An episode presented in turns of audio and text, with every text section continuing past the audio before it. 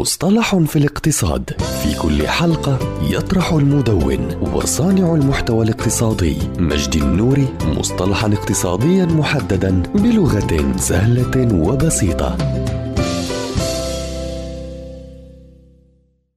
الإجراءات التصحيحية والوقائية هي تحسينات يتم إدخالها على عمليات المؤسسة للقضاء على أسباب عدم المطابقة أو أي مواقف أخرى غير مرغوب فيها. الإجراءات التصحيحية والإجراءات الوقائية تندرج في إطار مفهوم ممارسة التصنيع الجيد، وتركز هذه الإجراءات على التحقيق المنهجي للأسباب الأساسية لحالة عدم المطابقة في محاولة لمنع تكرارها، أي الإجراءات التصحيحية أو لمنع حدوثها أي الإجراءات الوقائية ويتم تنفيذ الإجراءات التصحيحية تحديدا استجابة لشكاوى العملاء أو للمستويات غير المرغوب فيها لعدم المطابقة الداخلية أو حالات عدم المطابقة التي تم تحديدها أثناء عمليات التدقيق الداخلي أو الاتجاهات السلبية أو غير المستقرة في عملية مراقبة المنتجات أو غير المستقرة في عملية مراقبة المنتجات.